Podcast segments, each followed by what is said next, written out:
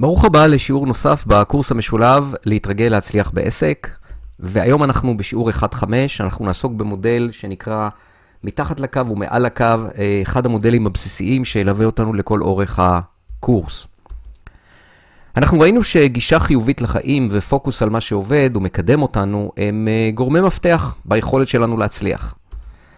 אבל גישה חיובית לחיים ופוקוס על מה שעובד ומקדם, ככל שהם חשובים, והם חשובים, הם רק מקרה פרטי. ויש לנו בעצם מקרה כללי, שהוא רחב בהרבה ומכסה הרבה יותר תחומים. וזה מה שבדיוק אני אעשה כעת, אה, כשאני אציג לך את המודל שפיתחתי, המציג כאן את המקרה הכללי הזה, המודל הזה נקרא מתחת לקו ומעל הקו. הקו הזה שאתה רואה לפניך, הקו האופקי, אה, הוא לא בר מינן שרואים בבית חולים כשהחולה נפטר, אלא אני קורא לו קו הפרדה רגשי. והקו הזה מחלק את הרגשות שלנו למקומות חיוביים, שאנחנו נקרא להם מעל הקו, ולמקומות שליליים, לרגשות שליליים ותחושות שליליות שאנחנו נקרא להם מתחת לקו. בואו נראה מה זה כל אחד מהם, ונתחיל ממתחת לקו. אז מתחת לקו אנחנו ברגשות שליליים. אנחנו באנרגיה נמוכה, אה, אנחנו לא מתקשרים היטב, לא עם עצמנו ולא עם אחרים. יש לנו עייפות, לאות, פיזית, מנטלית. אנחנו לא אפקטיביים במיוחד מהמקום הזה. התוצאות שלנו לכן הן לא משהו. האוטומט שלנו מנהל אותנו. האגו מאוד דומיננטי, האגו הוא החלק הנמוך שלנו, אנחנו בהמשך הקורס נרחיב הרבה עוד על האגו. אנחנו נמצאים בחוסר מודעות, הגישה היא גישה שלילית והפוקוס הוא שלילי. אז ראינו בשיעור הקודם שגישה שלילית ופוקוס שלילי פוגעים ביכולת שלנו להצליח, וכמו שאני אומר, פה, כמו שאמרתי, פה הם, אה, אה, אנחנו רואים את המודל הכללי יותר, שבו גישה שלילית ופוקוס שלילי הם רק מרכיבים בודדים במרחב, במרחב האפשרויות הגדול יותר.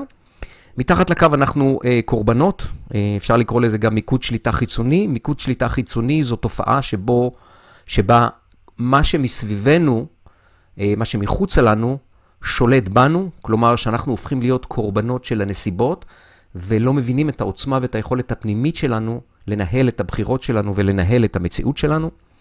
אנחנו מסובבים מתחת לקו, כי מה שמסביבנו מסובב אותנו. אנחנו צריכים, צריך, רוצה, זקוק, חייב, מוכרח, כל המילים האלו הן בקונוטציות שליליות, ולכן הן מרכיבים של מתחת לקו. מתחת לקו אנחנו מאשימים, מאשימים את עצמנו, מאשימים אחרים. המחויבות שלנו נמוכה, האחריות שלנו נמוכה. יש לנו צורך מאוד מאוד חזק בוודאות ובשליטה. זה אחד הדברים הכי חזקים שמשפיע על ההתנהלות שלנו וגורם לנו להיות מתחת לקו. התופעה הזאת, שתכף אנחנו נרחיב עליה, גורמת לנו להתנגד, להתנגד לדברים שקורים בסביבה שלנו, להתנגד לנסיבות מסביבנו, וההתנגדות הזאת היא בעצם אחד הדברים שתוקעים אותנו הכי הרבה מתחת לקו, תכף נבין את המשמעות של זה. מתחת לקו יש לנו פרדיגמות מגבילות, אמונות מגבילות, גם פה אה, זה מושג שאנחנו נרחיב בו אה, לאורך הקורס. מתחת לקו אנחנו שואלים שאלות למה. אה, למה אני כזה, אה, למה התיק כזה פה באמצע החדר, אוקיי? אה, למה אתה לא מכין שיעורים בזמן? למה החדר לא מסודר? ולמה את חוזרת הביתה כל כך מאוחר? הילדים, כשאנחנו שואלים אותם את השאלות האלו, אומרים לנו, אבא, תפסיק לחפור. השאלות האלו הן שאלות חופרות, והמשמעות של זה, זה שהן מעוררות אנטגוניזם, ולכן הן שאלות שלא תמיד יש להן תשובות, לרוב אין להן תשובות, ומה שהן עושות, הן רק מעוררות אנטגוניזם, ולכן הן שאלות של מתחת לקו. מתחת לקו אנחנו ריאקטיביים, שזה בא מהמילה האנגלית ריאקטיב, כלומר אנחנו תגובתיים. אה, אנחנו תקועים בעבר, תכף אנחנו נדבר גם על זה. אה, יש הרבה סבל מתחת לקו בגלל שאנחנו עסוקים בהתנגדות לכל מיני דברים שאינן בשליטתנו. הפחד מאוד דומיננטי, פחד הוא הרגש השלילי החזק ביותר שיש, הוא אב-אם כל הרגשות השליליים האחרים, והוא בעצם אה, מחולל עוד ועוד אה, תגובות שהן מתחת לקו, רגשות, תגובות של מתחת לקו. האינטגריטי שלנו נמוך, יושרה שלנו נמוכה, ואנחנו שיפוטיים. שיפוטיים כלפי עצמנו, שיפוטיים כלפי אחרים. זו לא רשימה מלאה, זו רשימה חלקית, אה, אבל אני מניח שאתה כבר מבין את הכוונה ברשימה הזאת ומה המשמעות של הביטויים האלו. עכשיו בואו נראה מה זה מעל הקו, ובאופן לא מפתיע, כל מה שהוא מעל הקו הוא תמונת ראי חיובית של אותם מרכיבים של מתחת לקו.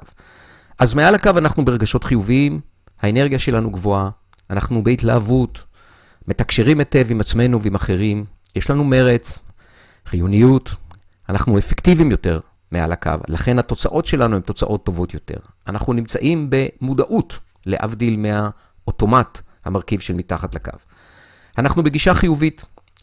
אני הגבוה מנהל אותנו. אני הגבוה, מושג שאנחנו נעסוק בו בהמשך הקורס, הוא הפוך מהאגו, מהאגו.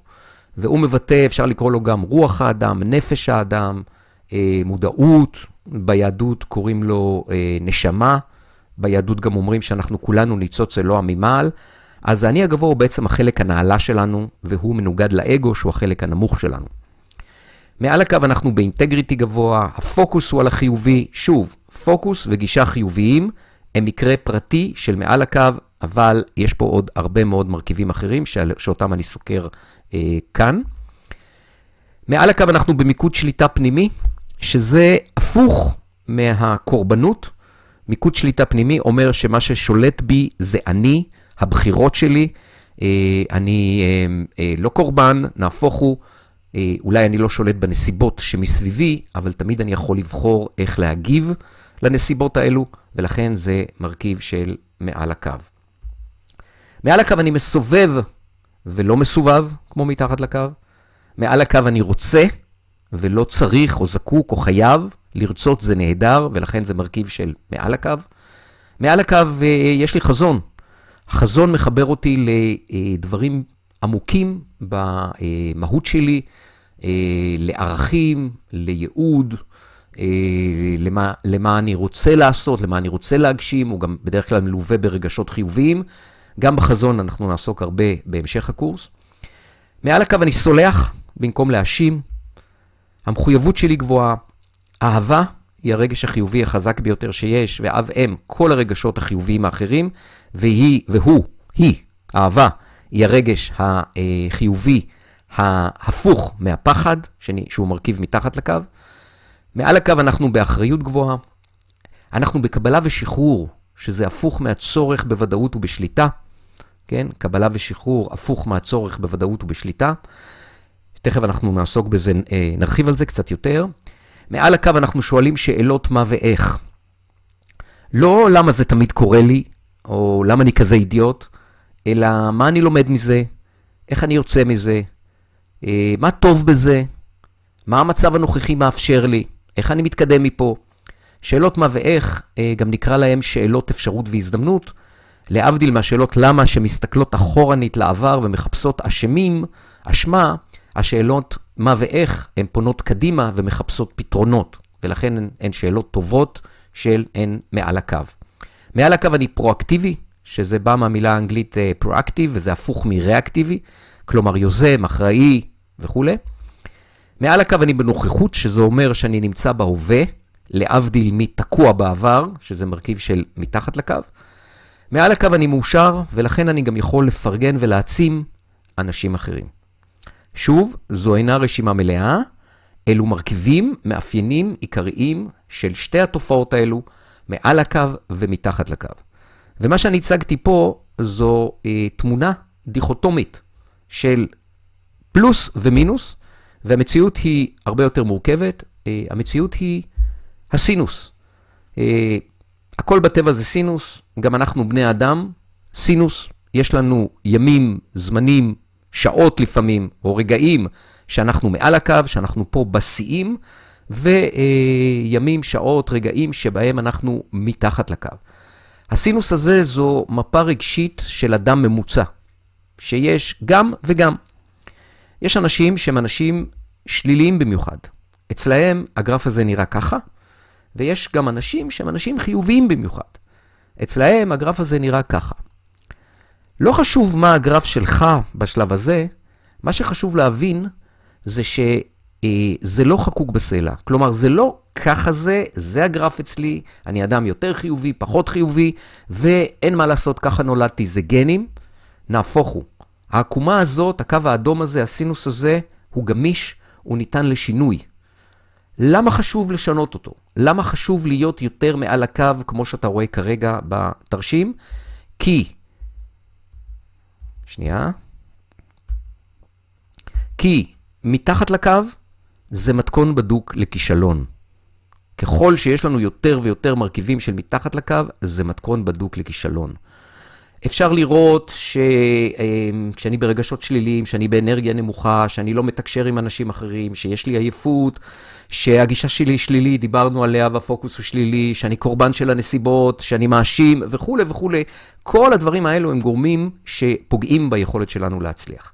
מצד שני, ככל שיש לנו יותר גורמים שהם גורמים מעל הקו, אז יש לנו יותר אפשרות להצליח. כי אנשים שיש להם לא רק גישה חיובית ופוקוס, כמו שראינו בשיעור הקודם, אלא גם כל המרכיבים האלו הם גורמים שעוזרים לנו להצליח, עוזרים להפיק תוצאות טובות יותר. אה, נשאלת כמובן השאלה, אה, איך עושים את זה? כלומר, איך לוקחים את הסינוס הזה, ולא חשוב איפה הוא כרגע, ומעלים אותו יותר ויותר מעל הקו. וספציפית, איך אני מסייע לך לקחת את הסינוס שלך, או לקחת מרכיבים שלך שהם מרכיבים של מתחת לקו, ולהמיר אותם במרכיבים של מעל הקו. אה, את כל זה אנחנו נראה במהלך הקורס. זו בעצם המטרה בצד המנטלי של הקורס. לקחת את המרכיבים האלו ולהמיר אותם אה, למרכיבים של מעל הקו. והיישום של זה קורה באמצעות נוסחת מה בתוך. נוסחת מה בתוך זו השיטה שאני פיתחתי איך לבצע שינויים, אה, ואנחנו נגיע אליה אה, בהמשך השיעור הזה, אה, בהמשך הפרק הזה, לא בהמשך השיעור הזה, בשיעורים הבאים בפרק הזה. בואו נדבר קצת על הצורך בוודאות ובשליטה, כי הזכרתי אותו קודם, והוא אחד מהגורמים הכי חזקים והכי תוקעים אותנו, הוא אחד המרכיבים החזקים ביותר שנמצאים מתחת לקו. ואם היינו יושבים פה בארבע עיניים, הייתי עושה איתך את הניסוי הבא, ואני מבקש שתעשה את הניסוי הזה עם מישהו בסביבה שלך.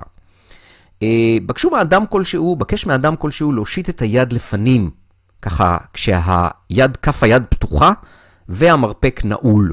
כמו שאתם רואים פה בתמונה. ואז קחו את כף היד שלכם, קח את כף היד שלך ותפעיל לחץ על כף ידו הפתוחה.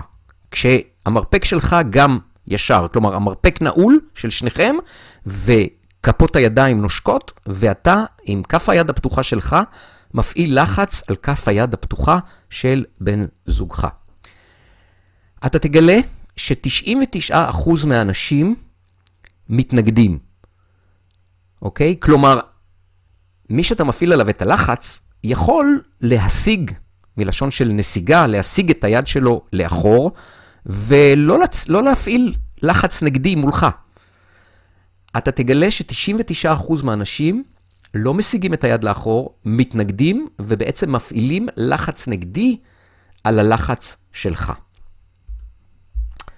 למה זה? למה 99% מהאנשים, אנחנו לא אומרים להם תתנגדו לנו, אנחנו בסך הכל מפעילים עליהם לחץ, והחוויה היא, או התוצאה היא, שהם מתנגדים לנו. זה קורה כי ההתנגדות שלנו היא אינסטינקט.